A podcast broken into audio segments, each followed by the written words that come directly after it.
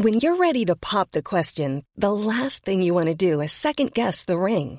At Bluenile.com, you can design a one of a kind ring with the ease and convenience of shopping online. Choose your diamond and setting. When you find the one, you'll get it delivered right to your door. Go to Bluenile.com and use promo code LISTEN to get $50 off your purchase of $500 or more. That's code LISTEN at Bluenile.com for $50 off your purchase. Bluenile.com code LISTEN. A lot can happen in the next three years. Like a chatbot may be your new best friend. But what won't change? Needing health insurance. United Healthcare Tri Term Medical Plans are available for these changing times. Underwritten by Golden Rule Insurance Company, they offer budget friendly, flexible coverage for people who are in between jobs or missed open enrollment. The plans last nearly three years in some states, with access to a nationwide network of doctors and hospitals. So, for whatever tomorrow brings, United Healthcare Tri Term Medical Plans may be for you. Learn more at uh1.com.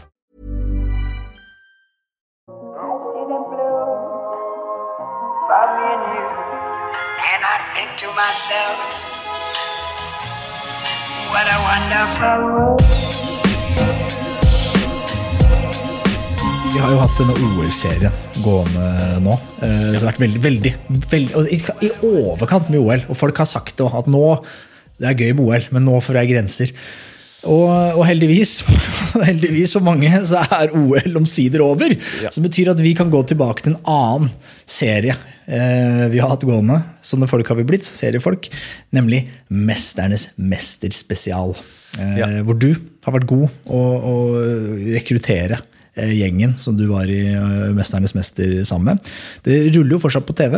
Og så har vi hatt en sånn greie da, at, eh, at når folk ryker ut, da, så, så hyller vi det å ryke ut av Mesternes, så feirer vi det med at de får lov. Jeg vet ikke om de ser det sånn, men vi, de, de fall- vi, vi, er, vi er heldige å få lov å få dem på besøk. Eh, og i dag så Bare, men, bare til- før du Ja. mm, introduserer Ja. Er det sånn at du liksom du spilte opp at uh, Så nå er det nok, uh, nok OL, så nå går vi over til bare sport? Ja, nå er det, vi holder oss Vi, altså, vi, vi tar jo ikke, vi tar jo ikke et tigersprang. Nei. Nei, det er ikke liksom Det er ikke, det er ikke OL, vi er ferdig med OL, men vi holder oss på sport. Ja, ja, vi holder oss til eh, Vi holder oss til port. Da kan du fortsette. Beklager. Da kan jeg fortsette. Ja, det kan jeg fortsette fordi vi, jeg, jeg vil si at eh, vi, vi er stort sett heldige da, med de vi får lov å klare å lure med på dette, dette opplegget vårt. Men, men i dag så er det en dame som jeg har gleda meg veldig veldig til å møte. Jeg har jo, jeg har fulgt henne. ikke sant? Jeg kjenner henne jo ikke så godt som deg, så, men jeg har fulgt henne sånn i, i periferien fra hun var idrettsutøver, og nå etterpå, når hun liksom har begynt å dykke litt inn i den samme sfæren som du befinner deg i. da, eh, Og inspirerer meg mye. Så jeg har lyst til liksom å dykke inn i, i hennes verden og bli bedre kjent med de tingene hun driver med. Så eh, Anja, det er en ære å ha deg på besøk. Velkommen til oss.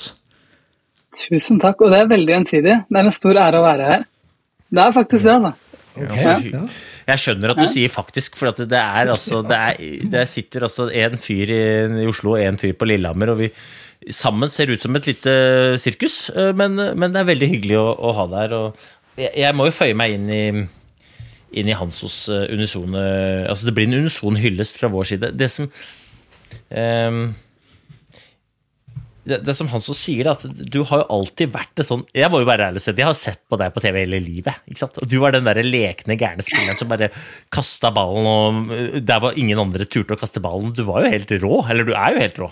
Men uh, det er deilig. øh, Og, og så er det så og så er det litt annerledes enn man tenker at du er også, kanskje? Er det lov å si det, eller? Ja, absolutt. Du, du har lov å si alt, Øystein. Det- Eller så å si alt. Det er, det er viktig å poengtere. Nei, men jeg skjønner litt hva du mener. Jeg, jeg elsker jo kreativiteten og leken i egentlig alt jeg gjør. Og så, og så er det en sånn kombinasjon av det og så plutselig sitte helt stille og meditere, som jeg tror kan være litt sånn overraskende for folk. Men eh, det er også der jeg henter mye kreativitet. altså De to henger jo veldig mye sammen for meg. Ja, for det er akkurat det jeg mener. da. Eller sånn jeg, jeg, jeg, jeg, jeg hadde jo ikke truffet deg før vi traff hverandre på Olivia.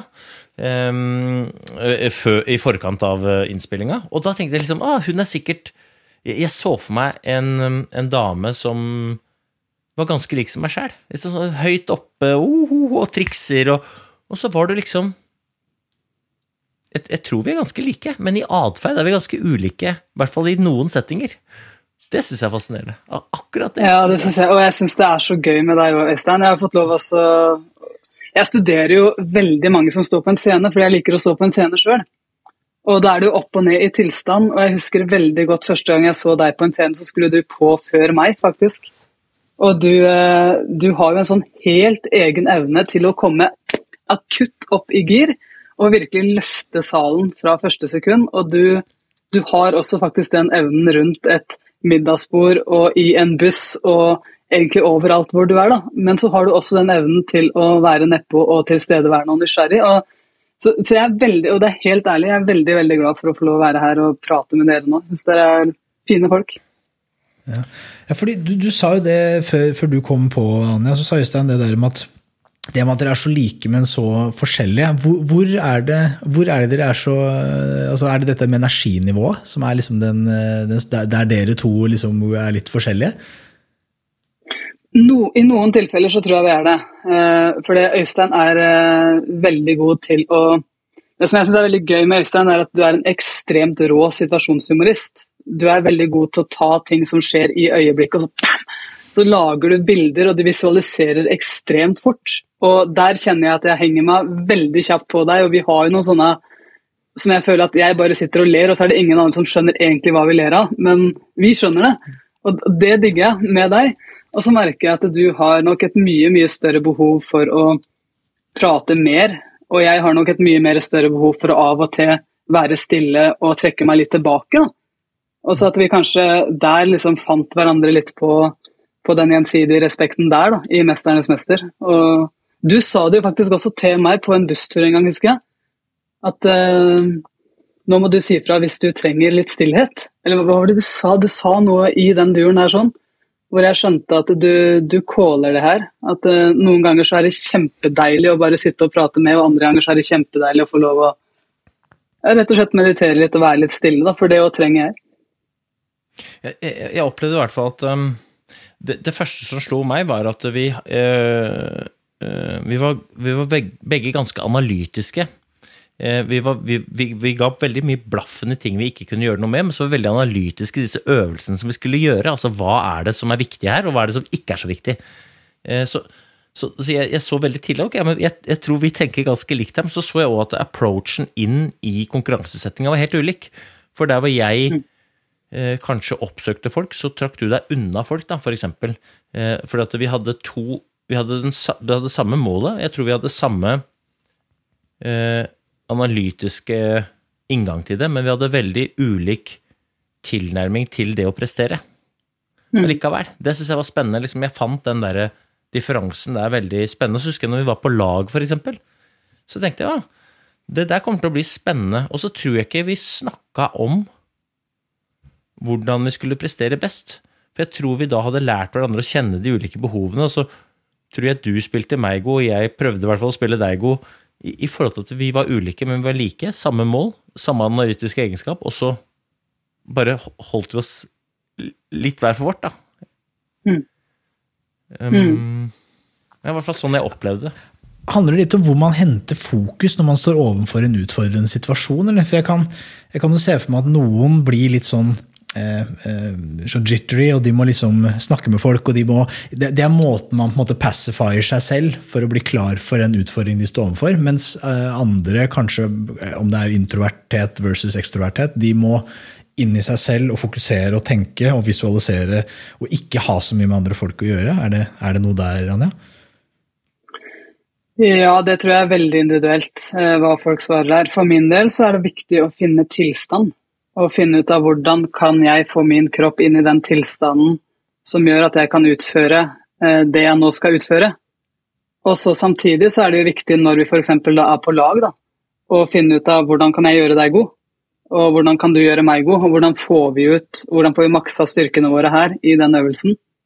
Så det er den der å vite liksom hva, hva trenger jeg på ekte, og faktisk våge å sette ord på det. da og faktisk våge å gjennomføre det, selv om andre kanskje trenger noe annet. Eh, samtidig som vi lytter til hverandres behov. Og det her er jo litt av magien, syns jeg, i lagspill.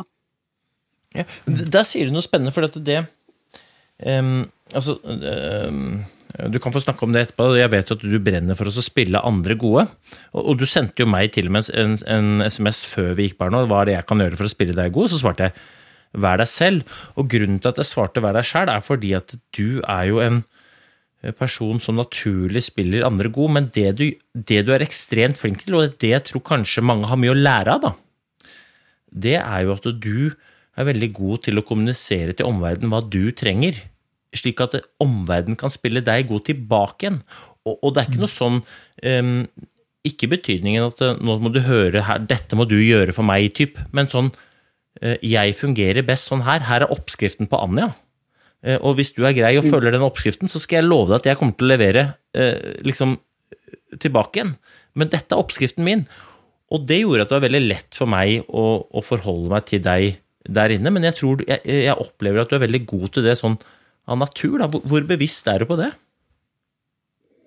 Jeg er veldig bevisst på det. Jeg er veldig bevisst på det både i forhold til sosial trygghet. Jeg, jeg trenger oppriktig å føle at jeg liker deg, jeg er glad i deg, jeg bryr meg om deg, eh, for å kjenne meg trygg. da. Eh, og, og leiter etter årsaker og grunner hele tida til hvorfor vi kommer til å ha det gøy sammen der inne. Det, det, gjør jeg i min mentale verden ganske naturlig hver gang jeg skal møte folk. For da kjenner jeg at jeg blir trygg. Og når jeg er trygg, så er det lettere å sette ord på behov. Så jeg, jeg sikrer nok hele tida at jeg har den trygge roen, den tilstanden, den uh, inngangen til menneskemøter. Da. Uh, sånn at tryggheten er i bånn. Og så etter hvert så begynner vi da å skulle ut og gjennomføre ting sammen. Uh, oppgaver, løse ting på en håndballbane, bli 'Mesternes mester' eller i et eller annet prosjekt vi gjør sammen. Og da er det jo også viktig å finne ut av hva slags spisskompetanser har jeg som jeg kan bidra med inn i laget, og hva har du? Og jeg, jeg syns det er noe av det som har vært spennende etter hvert som jeg har fått lov å bli kjent med næringslivet for eksempel, da, og, og privatmarkedet òg lite grann. at jeg, jeg opplever kanskje litt at i toppidretten så er vi veldig, veldig gode til å formidle 'dette er jeg god på, dette er du god på, sånn kan vi spille hverandre gode her'. Mens i næringslivet så opplever jeg av og til at eh, det, det, kan bli litt cocky. Eller det kan bli litt sånn ja, men Det er janteloven i Norge, du skal helst ikke si alt det du er god på. Men i toppidretten så blir jo det egentlig sett på litt som å tilbakeholde informasjon for laget. Hvis du ikke er ærlig med 'det her kan jeg bidra med'. Eh, så jeg syns den der er en sånn spennende Det er spennende å tenke over og reflektere over, syns jeg. Hvorfor er det, er det sånn, tror du? For dette føler jeg at man har hørt før. at at i, toppidrett, i toppidretten så er man mye bedre. Altså Man er mye mer kynisk mye bedre på å spille hverandre gode. og Er det fordi at det er, liksom, det er helt nødvendig for å bli best? Og det er veldig målbart. altså Det man driver med, er ekstremt målbart. Enten vinner du eller så taper du. Mens næringslivet er det kanskje litt mer flytende om du vinner eller taper. fordi, jeg vet ikke, Eller hvorfor er det sånn? Tror du? Det er kjempe, kjempespørsmål. Altså, og tror jeg også mye av det handler om sosial trygghet og kultur. Uh, sånn som jeg ser det. Uh, men, men, jeg har ikke fasiten, så det her blir bare gjetting. Men jeg opplever virkelig at uh, hvis det er en kultur for å leite etter hverandres styrker, hvis det er det som er normalen i gjengen vår, hvis normalen i gjengen vår er å ta hverandre på fersken hver gang vi utgjør en eller annen positiv forskjell, eller normalen i flokken er å kjenne på den interne, altså den egne tryggheten på at det er greit å være meg her, det er greit at du er deg her, med alle dine fasetter, alle dine farger. Eh, hvis det er normalen, så tror jeg det er også mye lettere å være ærlig på at jeg vet at det her er jeg god på, det her kan du spørre meg om når du trenger hjelp. Og så kan jeg også være ærlig på at det her trenger jeg å utvikle før jeg kan gi deg et ærlig svar på det her sånn, men kanskje kan du gå til Øystein og spørre om det, for her kan han. Mm. Så, så, vi kan se liksom den der at jeg kan noe, og du kan noe, og sammen så kan det her bli kjempebra. da. Og så tør jeg også være ærlig på at jeg, jeg kan ikke alt. Men heldigvis så har jeg et lag, og jeg vet nøyaktig hvem på laget mitt som kan ulike ting, og dermed blir det en snarvei. Da, da slipper jeg å famle i mørket, på en måte. Jeg tror det du sier her er sinnssykt. Du sa noe, jeg håper at lytterne eh, fikk det med seg, og jeg kan si det igjen til de som ikke gjorde det, men du sa jo at vi skal ta hverandre på fersken når vi utgjør en positiv forskjell. Og akkurat det, da. For det å ta hverandre på fersken, det, da tenker folk ofte sånn Når noen gjør noe dårlig, så skal vi ta de. Eh, men det du sier, det er det motsatte. Skal, eh, hver gang noen gjør noe som har positiv effekt på enten det er deg eller gruppa eller resultatet eller prestasjonen eller det ene eller det andre, så, så skal man liksom anerkjenne det for å da sørge for at det er størst mulig sjanse for at den atferden forsterkes og, og, og, og gjenskapes. Og, hvis man skal da tilbake til den psykologiske tryggheten, da, som jeg tror veldig mange eh, er enig i er et sånt fundament for å skape god kultur, så tror jeg òg man kan være enige om at det er felles for alle er at vi er avhengig av det. Og felles for de aller, aller fleste er at vi er usikre på om det finnes. Og hvis man begynner der, da så, men Dette er jeg litt usikker på, dette kjenner jeg litt på. Så er det jo mye lettere, men da må man jo komme til det punktet hvor du sier at den rekker opp hånda og sier eh, beklager å måtte si dette, folkens, men, og dette tror dere sikkert ikke om meg, men jeg kan ikke alt. Men jeg kan dette. Og, og, og hvis man åpner den døra, så tror jeg man kan hende Kan hende jeg tar helt feil også, men jeg, jeg, erfaringsmessig så er det flere i rommet som ikke kan alt, men som kan noe. Og god kultur det handler ikke om at alle skal bidra like likt, men at alle må bidra like mye. Men det de bidrar like mye med, det må være sin sterkeste side. Og da må man jo være bevisst på det, og kommunisere det. For det, var det på en måte var inngangen min. at Jeg opplevde at du var så god til å fortelle meg hvordan du virka. Og da var det så lett å bare følge oppskriften, og så så jeg at Anja Hammerseng din, hun virker kjempebra. Hun har gitt meg oppskriften. Det er veldig enkelt. Men sorry, jeg vil ikke slippe det helt for dette var interessant. Hvordan, hvordan klarer et toppidrettslag å skape den For du skulle tro at er det ett sted eh, du i hvert fall er redd for å innrømme at du hva, jeg er ikke så god på dette her, ja så vil du tro det er i toppidretten, fordi da forsvinner du rett ut av laget. Altså det, er jo så, altså det er så få det er plass til på det, det første laget. at hvis du måtte, det jeg vil tro at Er et sted der du skulle fort endt opp med å bli en kultur hvor du er insentivert til å ljuge litt og, og, og ikke helt innrømme svakhetene dine, skulle tro det er i toppidretten. Men så virker det for meg som at det skjer jo mye større grad i næringslivet, der du er beskytta av all verdens lovverk som ansatt. Så Hvordan er det toppidretten klarer å skape den kulturen? Vil du begynne, Øystein? Nei, det, det... kjør på, du.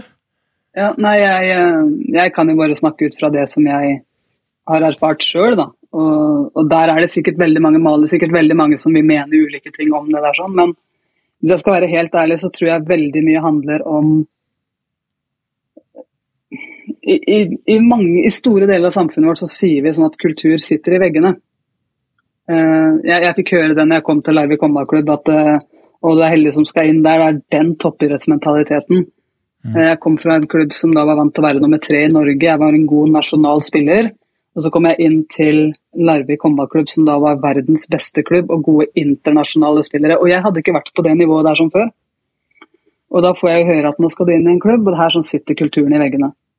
Men så skjønner jo jeg at kulturen sitter jo i meg.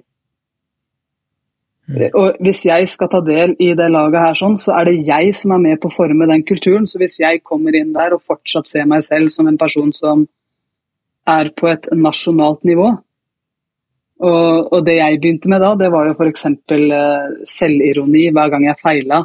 Begynte å liksom, mm. beskytte egoet mitt med at uh, ja, det er ikke så farlig med meg, for jeg er den eneste som egentlig ikke har vært på internasjonalt nivå før. Eh, når, mm. når, det, når, det, kommer inn, så er det fordi jeg personlig er utrygg.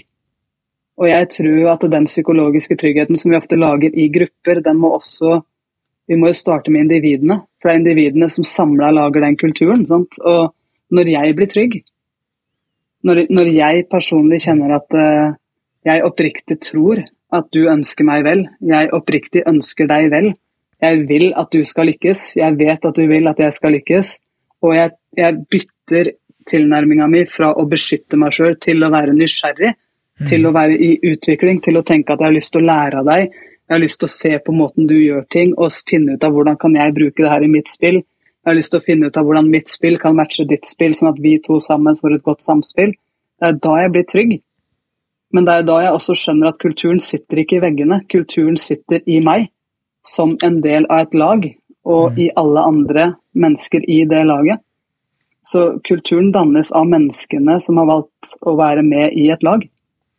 Ja, så, så tror jeg òg det er viktig at det, liksom, i, i toppidretten Jeg tror dette ikke nødvendigvis er noe man gjør alltid strålende i toppidretten, og, og, alltid dårlig utenfor. Eh, men, men, det som er i, i toppidretten, er, er, jo at det, det er lettere også å være ærlig om ting man er dårlig på, enn å ljuge i toppidretten enn andre steder. Fordi at man blir så innmari avslørt hvis man ljuger i toppidretten. For da blir, mm. da, blir, det veldig synlig. Om det er i skiløypa, eller om det er på parketten, eller om det er hvilken som helst arena. Hvis du ljuger på den ferdighet og blir satt på prøve, og møter noen som kan den ferdigheten, så står du der med buksa nede. Og det er ingen som har lyst til. Og så tror jeg òg at man er um, i, i, i, et, i et godt lag, da, godt fungerende lag, og, og, det kan være hvor som helst, altså, det kan være familien, der er man jo altså så interessert i at den som er til venstre og til høyre for seg, skal prestere. Altså Man er så interessert, man har det samme insentivet for at vi sammen må skape den prestasjonen som gjør at vi klarer å skape disse resultatene vi har lyst til å få til. Mm. Og da er det veldig mye lettere, opplever jeg, da, at man faktisk forteller hva som er sterke og svake sider, og spør etter hvordan oppskriften er til venstre og høyre, slik at man kan spille hverandre gode. Jeg skulle ønske, da, og når jeg jobber med, jobber med selskaper rundt dette, så er jeg sånn Da begynner jeg helt nedpå der. Fortell hverandre hva dere er gode på, og hva dere er dårlige på, slik at eh, vi kan bruke de styrkene og svakhetene. Og jeg kanskje kan flåsete, men så må dere òg fortelle hverandre hvordan dere har lyst til å bli brukt. For Hvis ikke vi gjør det, så overlater det til spekulasjon. Og For å dra en håndballanalogi, uten at jeg har noe peiling på håndball, men hvis Anja ikke visste hvordan de ute på den ene eller andre kanten hadde lyst til å få ballen, og hun bare spekulerte i det, så er jeg helt sikker på at det laget hadde fungert dårlig. Anja visste hvor hun skulle sende ballen, fordi det hadde de som mottok ballen, fortalt henne. Sendt den ballen hit, for jeg liker det her. Ok. Du, du sa noe smart eller noe, noe, noe lurt der, som, jeg, som, som er på litt på det konkrete. Da. Det var jo det at det, det er, er, nok lettere eh, å samles Å stille opp med litt ydmykhet på at 'jeg kan ikke alt', 'hva kan du', 'dette er hva jeg kan bidra med', dersom man har et tydelig mål. Eh, og I idrett er det veldig enkelt, for målet er satt. Det er jo på en måte å vinne kampen, vinne Champions League, eh, vinne OL-gull. Mens i mange bedrifter så mistenker jeg da, at målene ikke er så tydelige. Og Du har jo sagt det før, Øystein. Du, du kommer og skal holde foredrag og spør i salen hva er målet deres. Og Bare fortell meg det. Og så sitter alle og ser ut som de har falt ned fra månen. Eh, og det er klart, Da er det jo vanskelig å komme og skape en kultur der man, man sier jeg er ikke så god på dette, men vi skal, dit skal vi. Og det vet vi. Og dette er ressursene vi har. Dette er laget vårt. da. Vi, altså, vi, ikke, vi kan ikke bytte, vi kan ikke ansette en helt ny stab. Det funker ikke, det er ikke på bordet. Men jeg er god på dette. Hva kan du? Og så begynner man å spille, og så kanskje man Så det kan være også sånn. Jeg er helt enig. Jeg mener jo at det er Anjas eh, superkraft, i hvert fall slik jeg opplevde deg, Anja. At din superkraft inn i en gruppe, det var at du hadde forventningsavklaring med en gang. Sånn her fungerer jeg. Disse kravene eh, håper jeg at dere etterlever. Og så må du fortelle meg hvilke krav du har til meg. Og det var sånn jøsse navn. Deilig å få satt de rammene, liksom. Det var bare dag én. Du sa 'jeg må gå tidlig og legge meg'. Og jeg liker gjerne å stå opp tidlig og, og meditere. Og hvis jeg får til det, skal jeg skinne. Men hvis dere kommer og spiller raske briller og sånn gjør det hele tiden, eh, og jeg mediterer, så kommer jeg til å bli sint og sur, og du kommer til å mistrives rundt meg, jeg kommer til å mistrives rundt deg, og så blir det dårlig stemning. Og, og jeg tror at dette skjer oftere enn vi tror i, i hverdagen. I, og det, være, det trenger ikke å være i næringslivet, jeg tror det kan skje i familien også. Mm. Sett dere ned og fortell hverandre hvordan vi fungerer. Hva, hvilke behov har du? Hva er det du har lyst til å Jeg sier 'lag en god dag', ikke sant? Og, og, mm. og det, er bare, det, er ikke bare, for min egen del. Jeg spør jo min egen kone. Nå, nå, er, det, nå er, det, vinterferie. I morgen skal jeg ha vinterferie. Og da, da, da, er det veldig naturlig at jeg spør de hva er det dere har lyst til å få til i helga. Hva, hva, hva, er deres forventning? Hvordan dere skal lage den vinterferien best mulig. For hvis jeg ikke gjør det, og bare tror at de skjønner hva jeg vil, og jeg skjønner hva de vil, så ender det Det kan bli greit, men jeg tror ikke det blir optimalt. Og så tror jeg det også er veldig fint å gjøre, den forventningsavklaringa der. Jeg kjente det, jeg skal snakke veldig personlig nå, da, i forhold til min trygghet. Hvis du vet Øystein, at det er ok at Anja går og mediterer, Anja går og legger seg, så slipper jeg personlig å tenke at kanskje tror Øystein at jeg ikke har det bra. Kanskje tror Øystein at jeg nå gjør de tingene her som fordi det blir for mye for meg, eller fordi at uh, jeg ikke trives med gjengen. Mm. Men med å ha en sånn forventningsavklaring, så kan jeg også bare si det at ved at jeg sier det her høyt, så slipper jeg å tenke at du tenker. Det her er noe jeg trenger å gjøre for meg. Da fungerer jeg optimalt. Og, og det er for meg knytta opp mot en sånn stemme i huet som sier Anja, eh, hvis du går og mediterer nå, så kan det bli rart for de andre, for de kan tenke at Eh, og Derfor så trenger jeg å si det høyt, for da blir det ikke rart. Da slipper jeg å tenke at du tenker. Når, når fant du ut dette? Eller har det alltid vært sånn? Eller har du har liksom gått på akkord med deg sjæl litt, og så til slutt så kommer du til et punkt hvor bare sånn Men dette går ikke lenger? Eller eh, hvordan er den prosessen? Ja, Det er egentlig et bra spørsmål. Jeg tror nok at det har, eh, det har vokst mer og mer eh, etter hvert som jeg også har blitt eldre. Eh, at jeg har blitt bedre og bedre på det. Men veldig mye kommer jo med innsikt. Og, og der igjen, da, i forhold til meditasjon, jeg får enormt mye innsikt på hva det jeg egentlig trenger, og hva er det som egentlig hindrer meg. Og, og jeg vet jo det at hvis jeg egentlig trenger meditasjon, men det som hindrer meg, er frykten for hva andre vil si, si da. Uh, så er det jo det at ja, men hva kan jeg gjøre med det? Det er jo litt sånn som vi igjen er vant til å tenke, Øystein, i forhold til her. Utfordring, hva gjør vi med det? Løs det en forventningsavklaring. Eh, så, så, for meg så har nok det vært noe som mer og mer har vokst, og som jeg har opplevd at det her fungerer, og da gjør jeg jo mer av det. Eh, og det har jo kommet, tror jeg, ved meditasjon og innsikt der. I dag i dag er merkedag. I dag er det faktisk en merkedag. For det du vet her nå, Fjonge Pettersen, Fjonge Kaffebønne Pettersen, altså gå rundt. Skal være eh, Coop kaffe, skal være Kenya-bønnene. I dag så hadde jeg ikke mulighet. I dag så skulle jeg på skirenn med ungene, og da måtte jeg trakte meg en termos full av god kaffe. Så gikk jeg ned på Coop-en, så kjøpte jeg, ja, kjøpte jeg en filter, blå Coop filterkaffe. Smalt den i Mokkamasteren, trakta gjennom. Det sorte gull kom ned i kanna, helt den over i termosen, dro på skirenn. Kosa meg gløgg. Kosa meg gløgg! Snakka med folk, drakk kaffe. Delte til og med ut litt Coop-kaffe. Yeah, ja, ja, ja. Jaså, jeg, altså. Der ser du. Jeg er blitt folkelig. Sånn man får det gode samtalen. Oi, oi, oi. Første gangen eh, jeg hørte deg på scenen, eh, det var eh, i Narvik. Jeg husker ikke hva den var vinterkonferansen eh, i Narvik. Mm. Eh, jeg fikk høre før jeg dro opp dit at det, det, kom nok til å være mest damer i salen. Eh, neste gang så regner jeg med de sier at det er bare damer i salen. Men jeg husker jeg satt der og så hørte jeg på det. Da hadde jeg akkurat omtrent sendt denne boka i, i tyrken. Um, og i den boka så skriver jeg om at de aller beste de planlegger ikke bare tiden sin, men fokuset sitt, for dette fokuset er noe du har litt um, litt begrensa av, og det vandrer hele tiden. Og så begynte du å prate, og tenkte jeg dette her, altså. Dette både kjenner jeg meg igjen i, og dette er viktig. Og jeg husker du hadde altså noen gode analogier på eh, hvor du da sammenstilte hverdagslivet. Og når du går inn døra hjemme med det å spille håndballkamp, og hvor du da sa liksom at det er veldig naturlig at alle skjønner at idet du går på den banen, så er du håndballspiller, og om mobilen ringer, eller om ditten eller datten, eller kommer en mail, så liksom du er opptatt med å spille håndball, så kan du sjekke det når du er ferdig.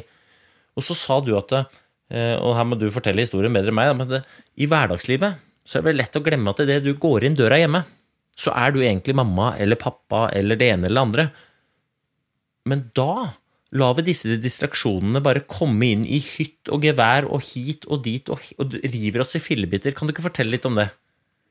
Ja, jeg, jeg, er veldig opptatt av fokus. Jeg elsker fokustrening. Nettopp fordi at jeg har opplevd å være den spilleren og den eleven som i mange år har hørt trenere og lærere si sånn Anja, hold fokus, da! Hold fokus, da! Og jeg, jeg, hadde så lyst til å gjøre det de sa. Jeg hadde jo så lyst til å og det som de kalte holde fokus, da, som jeg etter hvert skjønte var å konsentrere meg om én ting av gangen, og gjerne det som skjedde på banen. Uh, og Jeg bare visste ikke hvordan, og jeg visste ikke at fokus var en trenbar ferdighet.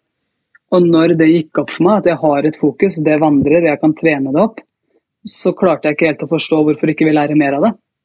Hvorfor mm. trener vi ikke opp det her sånn når det er så enormt viktig i vårt liv? Ifølge en studie fra Harvard så, så har vi en mental verden, og der er vi 47 av tida vår. Eh, det er ofte der fokuset vårt vandrer. Frem eller tilbake i tid. Og Da, da syns jeg det er fascinerende å tenke på at hvis det her er en trenbar ferdighet, at jeg kan registrere at det har tatt seg en tur, og så komme meg tilbake igjen, og være i nå-øyeblikket, så lurer jeg på hvorfor trener vi ikke mer på det. Men så skjønner jeg det jo. Vi gjør det i toppidretten. Sant? Vi lærte det i Larvik håndballklubb. Det var en av de første tingene jeg lærte. Det var at eh, når jeg sitter på tribunen og tar på meg skoa, tar på meg ankelstøtten og alle de tingene vi trenger før treninga starter, så gjør jo jeg opp en bevisst mening om når min høyre fot krysser 40-linja, 40-meterlinja nå, hva velger jeg å ta med meg ut på banen, og hva er greit at jeg lar ligge igjen på tribunen i to timer? Alt som har skjedd tidligere, det skal få lov å ligge der litt. Kan helt sikkert plukke det med meg og ta med meg etterpå hvis det er viktig. Sant? Alt mm. som eh, er av negative overbevisninger, det kan jeg få la ligge igjen der. sånn. Alt det jeg trenger nå av hvem jeg har lyst til å være inn for laget mitt, av hva jeg har lyst til å trene på i dag, av ja, hvordan jeg kan oppmuntre de andre i dag. Alt det som er viktig nå, det tar jeg med meg inn. Og i det øyeblikket foten min da krysser 40-meterlinja, så bam, da vet jeg det her jeg har tatt med meg, det har jeg latt ligge igjen. Og når jeg kommer hjem sant, etter jobb og møter Mio Hvis jeg da fortsatt i hodet mitt har en samtale gående med en eh, som jeg prata med i telefon, f.eks. Du vet den følelsen når du har lagt på en telefonsamtale, men fortsatt så kjører den i huet ditt. Den, du kunne svart det bedre, eller du kunne sagt noe bedre, eller du skulle sagt det og det og det. Uh, hvis den fortsatt kjører da, samtidig som Mio prater til meg, så er jo ikke jeg til stede for han. Og hvis den samtalen i tillegg er noe som fyrer meg opp på innsida, da, og jeg blir irritert da, så blir jo ikke jeg skjønn overfor han. Og jeg har jo lyst til å være skjønn, jeg har lyst til å være tilstedeværende, jeg har lyst til å være en mamma som jeg er stolt av å være for sønnen min. Men jeg skjønte det her når jeg, jeg hadde akkurat den opplevelsen der, og så merker jeg at Mio Jeg går inn døra hjemme, jeg hadde akkurat prata i en telefon. Går inn døra hjemme, Gro er nede, vasker klær og hører på musikk. Mio er oppe og hører på paden, du vet det er mye lyd. Samtidig som den samtalen her kjører i huet mitt. Mm. Og Mio kommer bort til meg og så sier han sånn Moa, Moa, Moa, Moa, Moa, Moa. Og så hører jeg meg sjøl liksom Ja! Den derre fra magen, der jeg kjente at jeg nærmest ropte til sønnen min. Mm. Og det her er mitt ansvar. Det er mitt 100% ansvar å gjøre fokuset mitt klart for å være hjemme. Sant? Og gjøre kroppen min og min tilstand klar for å være i ro og være den kjærlige, tilstedeværende mammaen som jeg har lyst til å være. Det er ikke Mio sitt ansvar at jeg kommer inn i den tilstanden. Han ville bare si meg noe. Men fordi at jeg hadde så mye både av ting som skjedde på innsida pga. den samtalen, og den samtalen som jeg fortsatt tydeligvis da hadde i huet mitt, så gikk det utover Mio. Og det er da jeg skjønner at wow, de her teknikkene som jeg lærte når jeg spilte håndball, de må jeg jo trene opp nå. Det her er jo viktigere enn noen gang. Sånn, det, er, det, er, nå det er viktig. Og derfra ut så har jeg bare vært helt besatt på det. Jeg trenger å gjøre det her. Og det, det er liksom jeg, jeg, tror veldig mange kan kjenne seg igjen i det, og det du, det du sier, altså, det er altså så viktig, da, fordi at um, og det er det, det her jeg også mener med, med, med å planlegge fokuset sitt, fordi at uh, vi krysser den der 40-meterlinja mange, mange ganger i løpet av en dag, i løpet av en uke. Men, men, hvis du allerede har planlagt på forhånd hvordan det er du skal ha fokuset, hvor er det jeg har fokuset mitt nå, så er det mye lettere å ha det der hvor det er, istedenfor at det blir en haug av distraksjoner. Og i toppidretten så trener vi på dette hele tiden. Mens kanskje da Eh, i hverdagslivet, eller med det ene eller andre, så er det kanskje litt vanskelig å på en måte ha trent opp den ferdigheten, fordi vi nesten er vant til at det er masse stemmer i hodet. Vi er vant til disse distraksjonene. Um, uh, og i den boka, grunnen til at jeg skrev 'Planlegg fokuset ditt', og grunnen til at jeg laget denne dumme metoden, er fordi at jeg tror den eneste metoden, eller den beste metoden, for å trene opp dette på, er gjennom å bare begynne med akkurat det. Planlegg fokuset ditt, og så begynne å gjennomføre. For jo mer du trener på det, jo mer du trener på fokus, desto lettere vil det være å holde det. Og så vil det vandre hele tiden, det er ikke det jeg sier. Men begynn i det små, da. Begynn i det små. Om det er at du skal ha en middag uten distraksjoner, skru av telefonen når du spiser middag.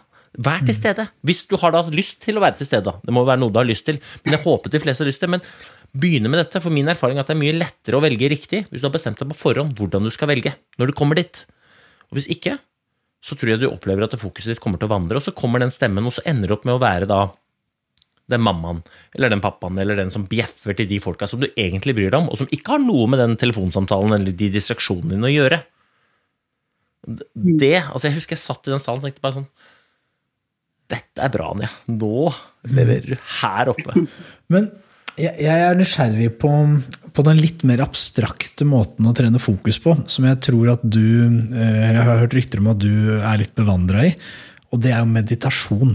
Eh, du sier du, du mediterer ofte om morgenen. og jeg, jeg, tror jeg snakker på vegne av mange lyttere nå. Jeg er superfascinert av meditasjon. Og jeg må innrømme at jeg har prøvd det. Altså Jeg har ulike innfallsvinkler. Jeg har prøvd med disse appene, som jeg, det er blitt veldig populært nå.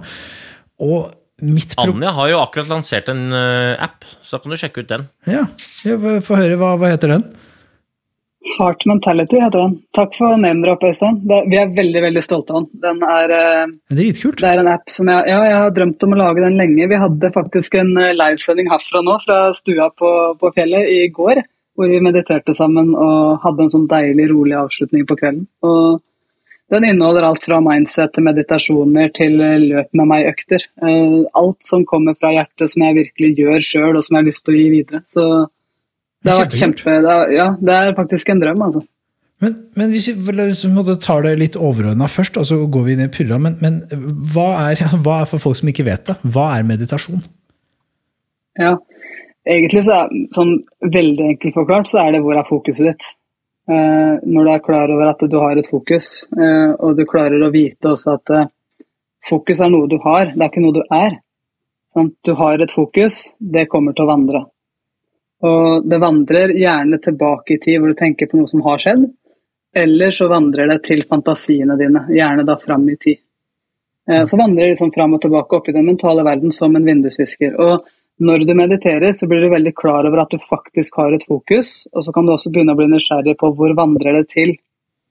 Og så kan du også få den innsikten i at i og med at jeg kan se hvor det vandrer til, så betyr jo det også at jeg kan registrere hvor det er, og så plassere det. Og det er jo her magien kommer inn, i hvert fall for meg. da. Mm. At uh, i hverdagen, f.eks. sånn som du sier, Øystein, hvis jeg skal, så jeg skal spise en middag med Gro, da. Uh, det å faktisk være klar over hvor er fokuset mitt nå, Eh, jeg trenger ikke sitte i lotus, lukke øynene og meditere for å klare å være til stede for hun, for det eneste jeg egentlig trenger å gjøre, det er å være bevisst om at jeg har et fokus. Og så kommer jeg inn i hva er min win akkurat nå? Sånn, hva er viktig for meg i den middagen her? Hva er min positive motivasjon for å ta den middagen her sånn? Mm. Og det vi trener på, blir vi jo bedre på. Sånn, det her gjelder enten du skal gå fort på ski eller du skal kaste en lærkule i mål. Når du gjør nok reps, så blir du god. Og når du trener på å registrere og plassere fokuset, så blir du god på det òg. Og, og, det her kan du gjøre. Meditasjon er jo eh, Jeg liker egentlig faktisk best å kalle det fokustrening, fordi meditasjon er som mat. Det er så sykt mange retter å velge mellom. Det, mm. Noen retter liker du, andre retter liker du ikke. Og, og det, er, det, er, så enormt mange måter å gjøre det her sånn på. Men uh, for meg så har det vært uh, transformerende i livet mitt. Er, er, er meditasjon på en måte en, en sikker tenker Eller en, strategi for oss å sette deg i en, den tilstanden du har lyst til å ha. Eh, og kan da f.eks. Eh, som jeg sa, da, vi snakka om at du og jeg hadde ganske Jeg opplevde i at vi var veldig like analytiske til disse dumme øvelsene vi holdt på med i, i Mesternes mester. Vi var veldig, eh, veldig, klare på hva det er som var viktig, hva det var som ikke var så viktig. Men så hadde vi veldig ulik strategi for å komme til start i den tilstanden. Vil du si at kan meditasjon være mer enn bare å tenke, men også at det er et bevisst handlingsmønster for å sørge for at du steller deg på start slik som du vil være? Mm, definitivt. For med meditasjon så får du kontakt med noen deler av deg sjøl som gir deg svar. Uh, og, og, det er i hvert fall min erfaring at jeg blir veldig godt kjent med meg selv og hva jeg faktisk trenger. For det er veldig lett For eksempel, ta toppidretten igjen, da. En av de tingene vi gjør som kanskje ikke alltid lykkes, det er at vi spør folk hvordan lykkes du? Og så skal jeg gjøre akkurat den samme tingen som deg, og så skal jeg få de samme resultatene som deg. Men sannheten er at jeg må kjenne meg. Jeg må mm. vite hva som funker for meg. Og ved å meditere så får vi noen innsikter som gjør at du, du ser ditt eget mønster, du begynner å se klart. Det er akkurat som eh, tåka forsvinner og så bare blir det soleklart for deg. Da. Hva er det jeg faktisk trenger? Ja, dette dette syns jeg er gøy. for at, um, Jeg må bare dra parallelt til min egen uh, idrettskarriere. Da, men i mange år så bala jeg mye. Jeg hadde dårlige resultater. Og så uh, var det en som stilte meg et spørsmål. Uh, men hvordan er det du er når du presterer på ditt beste? var spørsmålet. Da tenkte jeg det er et ganske viktig spørsmål som jeg i mange år i karrieren ikke ikke har stilt. Men svaret der sånn gir meg jo da utgangspunkt for hva jeg må gjøre for å få til det svaret. Så når jeg da fant svaret om at jeg var litt leken, jeg var nedpå, jeg var ganske trygg, og, men jeg var blid Ok, hva er det jeg må gjøre for å være det, da? Og det handler veldig, selvfølgelig veldig mye om, en forberedelse, men også veldig mye om den inngangen til konkurransen. Jeg, likte, jeg liker å være leken, og jeg presterte best når jeg var leken, men her opplever jeg at hvis man stiller disse spørsmålene til de folka man har rundt seg, da, så er det veldig få som har svaret. Vi vet ikke helt. Altså, vi har alle lyst til å prestere. Og nå sa spørsmålet er hvordan er det du er når du presterer på ditt beste? Hvordan er det du har lyst til å komme til start? Så har vi ikke svaret på det, og da, da tenker jeg men da er det jo veldig mye overlatt til tilfeldighetene hvordan du faktisk kommer til start. da, Istedenfor å styre det, om det er gjennom meditasjon eller det ene eller andre. Det er jo egentlig det du sier, er det ikke det? Jeg- det, det meditasjonssporet for at det, Noe grunnen til at det fascinerer meg, er at jeg er nok en realist. ikke sant? Jeg har liksom drevet, sittet mange år på høyskole. Og, ikke sant? og når folk prater da om, om sånn som du sa der, at, at det er som at liksom, tåka letter, og så ser du klart. Så merker jeg blir sånn hmm, altså Skeptikeren i meg blir sånn ok, men hvordan? Altså, for, fordi, Her kommer vi til hva jeg begynte med at Jeg har forsøkt, eh, helt sikkert ikke på rett vis, men jeg har forsøkt liksom meditasjon. Men, men det har vart i kanskje tre-fire dager. Og det som alltid tar meg, det er at si det tar 20 minutter da, å gjøre en meditasjonsøvelse, som i utgangspunktet ikke er så mye, det er 20 minutter av en dag, men jeg sitter etter 10 minutter og føler sånn ah, det er så mye det er så mye ting jeg burde gjøre nå, og så sitter jeg her og sløser opp de beste timene av, av døgnet på å sitte her og, og, og liksom og, og, da skjønner jeg jo at jeg hører i det jeg sier, at det, da mister jeg jo oppgaven. ikke sant? Men jeg føler at liksom eh, ja, altså, hva, Hvordan er det du altså Hvis vi går litt mer konkret til verks, hvordan er det det? For at, i hvert fall den meditasjonsøvelsen jeg gjorde, da, jeg følger en, en som heter Sam Harris, som har laget en app. så Jeg skal, burde åpenbart bruke din istedenfor, men jeg er veldig fascinert av Sam Harris. Og der innebærer det jo egentlig bare å tenke på ingenting. Du skal, du skal ha, målet, Det ultimate målet er å klare å være helt clear. Da. Jeg har ingenting i hodet. Uh, men uh, Kan jeg få lov til å arrestere deg før du svarer, Anja?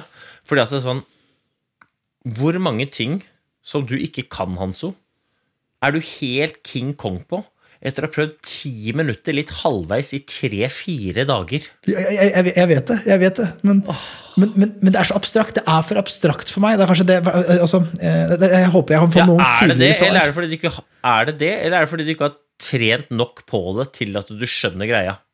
Det kan Anja svare på. Jeg har ikke noe svar på det, men det, det er mitt spørsmål.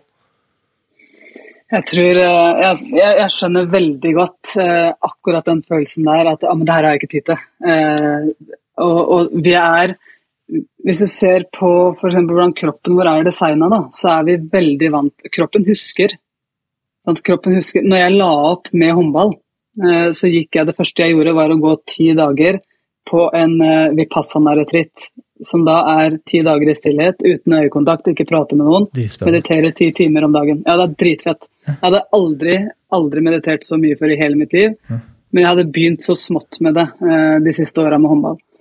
Eh, men jeg gjorde det her sånn, for jeg hadde lyst til å få ordentlig innsikt i hva det er jeg faktisk vil nå når jeg ikke lenger skal spille håndball.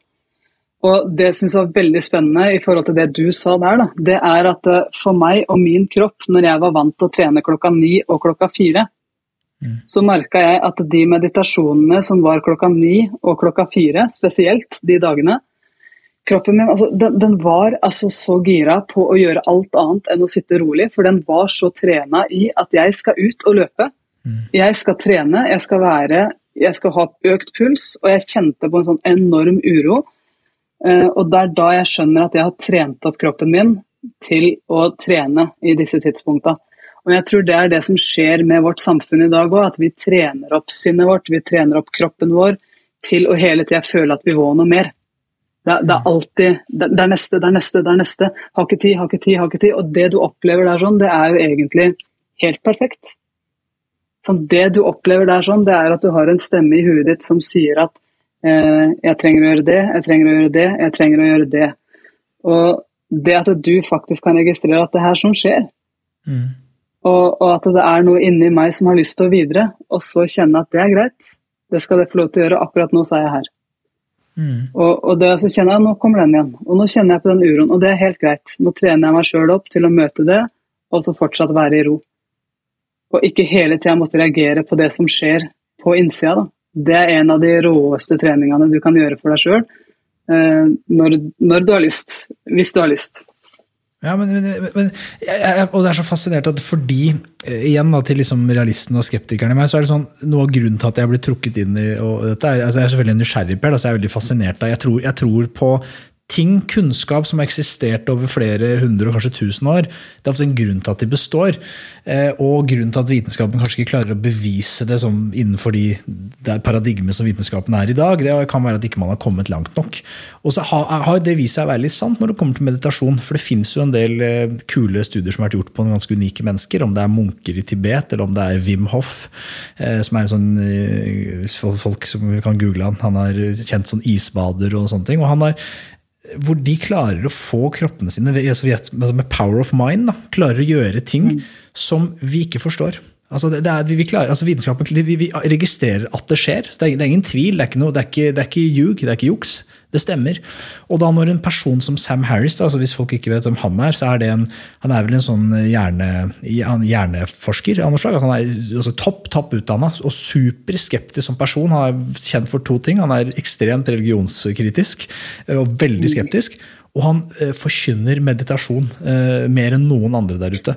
Og sier at det er det eneste viktige du skal bruke tiden på. Bruke, hvis folk, Uansett hvem du er, om du er toppidrettsutøver, om du bare er Ola Nordmann, mediter.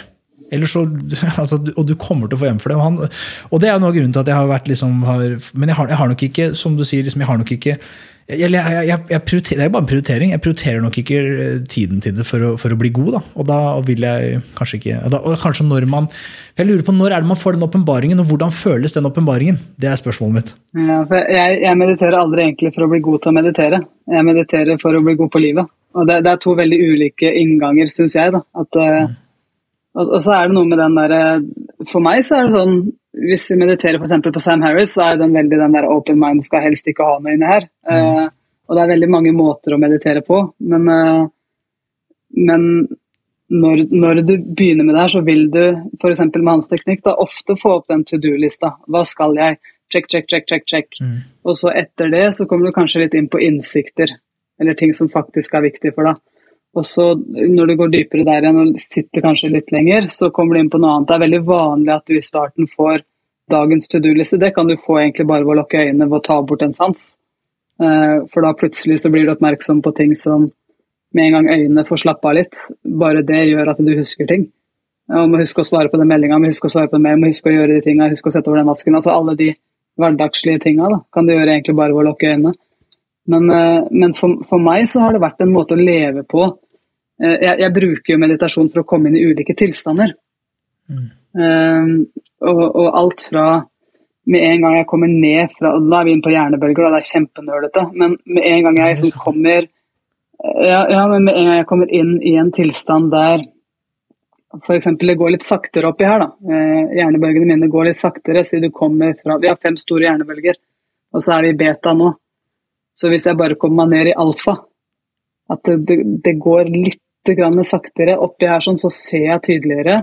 Og så plutselig så kan jeg bli kreativ. Plutselig så setter jeg sammen ting som eh, Du vet alle de kunnskapstinga som du lærer. Det er veldig mange sånn kunnskapsjunkier som bare lærer ting. Hvis ikke du klarer å sette sammen de tinga du har lært, så har du egentlig bare lært en hel haug med ting, og så føler du deg stressa og sliten, for du vet ikke hvordan du skal sette dem sammen.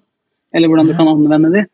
Så når jeg kommer liksom ned litt, blir litt roligere oppi her, sånn, så merker jeg at uh, jeg finner nye svar. Og så kommer jeg kanskje enda dypere. Sant? Da, da kommer jeg inn i innsiktene. Da plutselig så skjønner jeg hvordan jeg skal løse oppgaver som jeg ikke hadde skjønt hvis det hadde gått fortere. Da. Og, og det er det meditasjonen gjør for meg. Altså, Det er en måte å leve på, det er en måte å komme inn i de tilstandene jeg trenger på for å optimalisere meg sjøl inn i de ulike tingene jeg skal gjøre i løpet av en dag. Jeg vet at det, det høres veldig veldig nølete ut, men det funker for meg. da. Og så er det sånn opp til hver enkelt. Funker det ikke for deg, så, så gjør noe annet. jeg, jeg hørte jo, De som syns det her er spennende, de må høre på podkasten til Anja, for hun har en hel episode om dette. Og eh, når jeg hørte den, så tenkte jeg, vet du hva, eh, dette, dette resonnerer. Det er jævlig nerdete, men dette resonnerer. Og, jeg, eh, um, og når jeg hører deg prate nå, så tenker jeg at jeg mediterer hver dag. jeg. Mm. Men jeg gjør det når jeg trener, for du sa du mediterer ikke for å bli best i å meditere, men for å bli best i livet. Og jeg trener for å få energi, men òg for å løse problemer, og for å få liksom ro til å løse de problemene. Og det er det som er. altså Meditasjon er jo egentlig bare motpolen til samfunnet slik samfunnet fungerer i dag, hvor det er liksom en haug av krav, det er en rasende tempo, det er jo det ene og det andre. Eh, og når jeg da f.eks. tar meg den joggeturen, da, mm så løper jeg og så reflekterer jeg. Jeg løper og stiller meg sjæl spørsmål, og så svarer jeg på de. Ikke nødvendigvis for at jeg har noe svar heller, Men jeg bare løper, og så, og så, og så kommer de svarene. Og det er veldig mange som sier at ja, bare kom deg ut, og så gå deg en tur, og så, så finner du svaret. Er ikke, er ikke grunnen til det akkurat at vi gir da hjernen ro til å ikke gjøre noe annet enn å senke tempoet litt? Senke, for dette, om det er i skauen eller om det er her eller der, men da er du opptatt med det og bare det. Mens i, i samfunnet generelt, da, eller i andre situasjoner, så er du opptatt med så veldig mye. Så den der, de der hjernebølgene dine, Anne, de går på høyger hele tiden. Og da har du ikke tid eller kapasitet til å løse disse problemene. Nei, jeg syns det er kjempespennende med deg, Øystein, for du bruker det her. Du, du virkelig, og du, du, deler det med også. Du tar disse fine filmsnuttene fra skogen hvor du, du har vært i en aerob tilstand. Sant? Du har kommet deg ned i alfa, du har begynt å reflektere, og så bam, så kommer gullkorna dine. Så du viser oss det her i praksis. Og det, det, er veldig spennende å følge din reise på akkurat det her. sånn. Du viser det når du står i skogen der med kamera, at det her, det dukka opp nå. Og det er akkurat det som skjer, at arob trening det får deg Du blir både mer kreativ og det her er jo også forskning på hjernen i forhold til at uh, de anbefaler folk å trene for å lære bedre, blant annet. Men hvis du har aerob trening, sånn som du trener veldig mye, så kommer du inn i det som heter alfa. Der begynner jo kreativiteten, refleksjonene, og du begynner å sette sammen ting. Da. Og det er jo en form for ja, fokustrening eller meditativ trening, tilstand som jeg tror er veldig attraktivt for veldig mange. Da. Mye mer attraktivt egentlig enn å bare sitte rundt et rundt bord og si hei, vi har en utfordring på jobb her, løs den i en sittende tilstand uten å bevege kroppen med øynene åpne. Det er sånn uh, Ingen finner det svaret før de da enten løper seg en tur eller står alene i dusjen. Det, ja, med, mindre man er, med mindre man har den der psykologiske tryggheten da, til liksom, ok, nå må vi slippe det ned, så alle sammen kommer seg nedpå et nivå hvor vi faktisk kan være eh, løsningsorienterte og finne svarene. Men hvis ikke vi er det, hvis vi er så stressa i utgangspunktet, så hvor mange har kommet opp med veldig gode løsninger under ekstremt stress? Ikke så mm. mange. De som har gjort det, de har som regel bestemt seg på forhånd hvordan de skal handle når det kommer. Men, men, men i hvert fall min klare erfaring er jo, er jo, akkurat det du sitter og sier. Altså, når jeg sitter og hører det, så tenker jeg dette tror jeg folk kan skjønne, og ikke nødvendigvis fordi at de driver med meditasjon, men fordi at de trenger den der roen til å løse problemene. Og hvor mange der ute er det ikke som kjenner seg igjen i det at det, om det er lese i en bok, eller ta seg et bad, eller om det er gå seg en tur, eller om det er å meditere, så plutselig så finner man de svarene på de spørsmålene som man har gått og gnagd litt på. da. Mm. Jeg synes Dette er veldig spennende. Jeg tror i hvert fall jeg kan kjenne meg veldig igjen i det du sa om å stå i dusjen. Eh, på å finne løsninger og sånn. Og kanskje noe av det som jeg hadde syntes var problematisk med i hvert fall den Sam Harris-meditasjonen, var nettopp det at man skulle tenke på ingenting.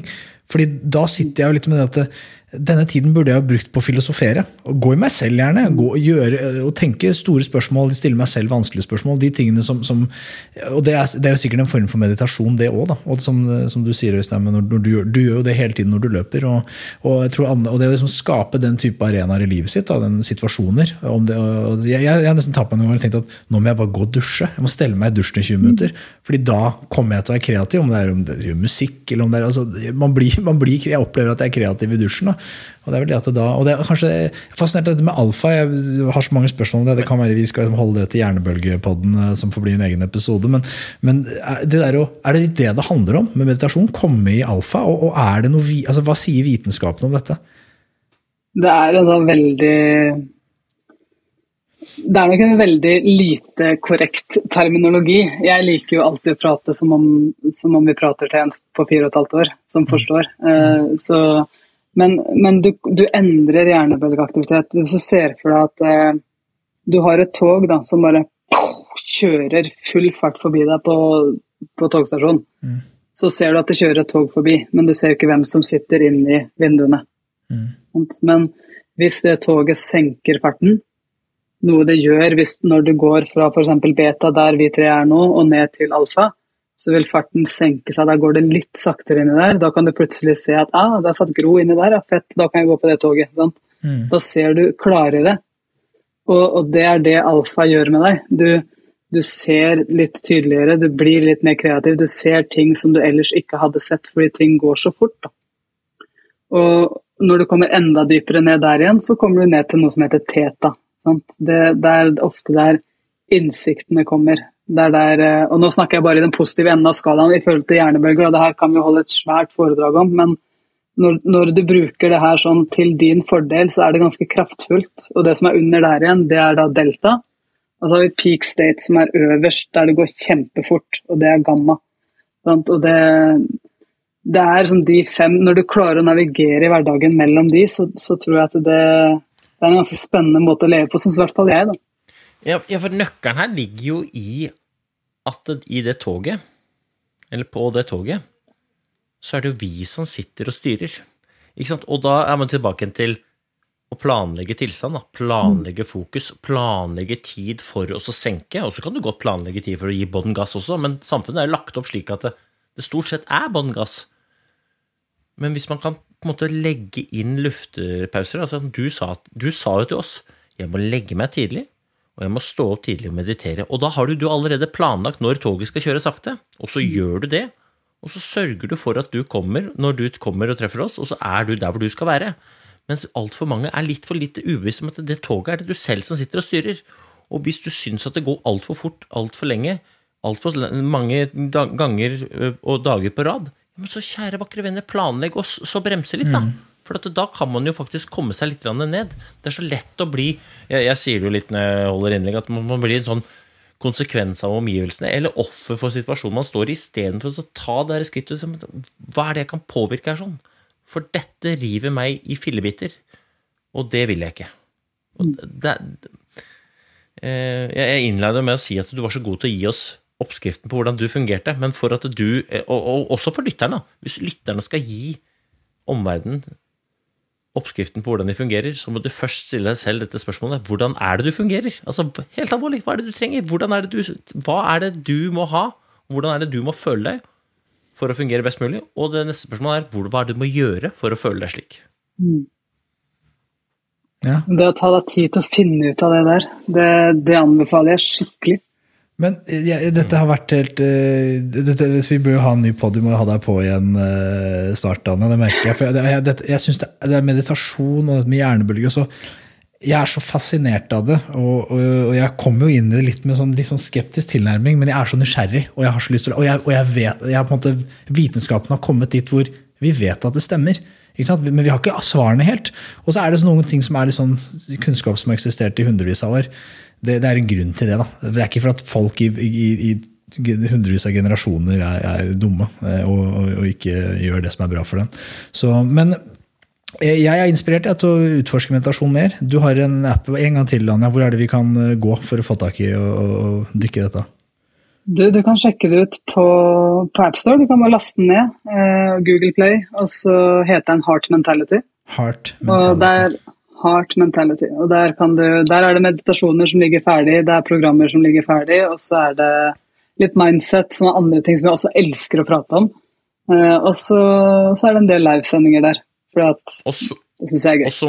Og så må, folk sjekke ut eh, podkasten eh, som Anja kjører aleine. Altså, det er da så herlige monologer hvor hun bare har fri eh, fri dressur. Eh, hva hvis det er mulig, da? Altså med Anja. Den um, jeg hører hver episode, og hvis jeg skal ta deg på noe, Anja Nå kommer det noe kritikk her. Det er altfor få episoder, altså. Få det på! Det er altså Det går opptil flere dager mellom hver episode. Så uh, der får du den kritikken, og så får du bruke den til Den satte jeg veldig pris på, faktisk. Eh, siste, siste episode heter 'Kunsten å mislykkes', så, så jeg tar til meg den kritikken. Og så skal jeg rett og slett uh, inn og lage en ny pod. Men nå har jeg vært her med dere, da. Det er jeg kjempeglad for.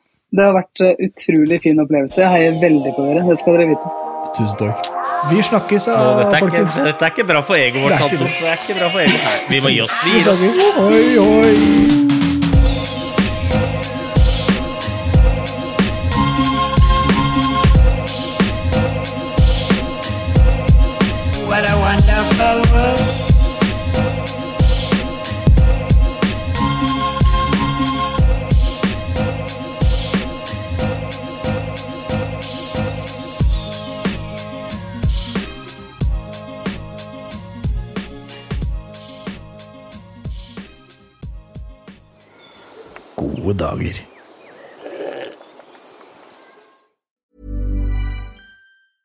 Planning for your next trip?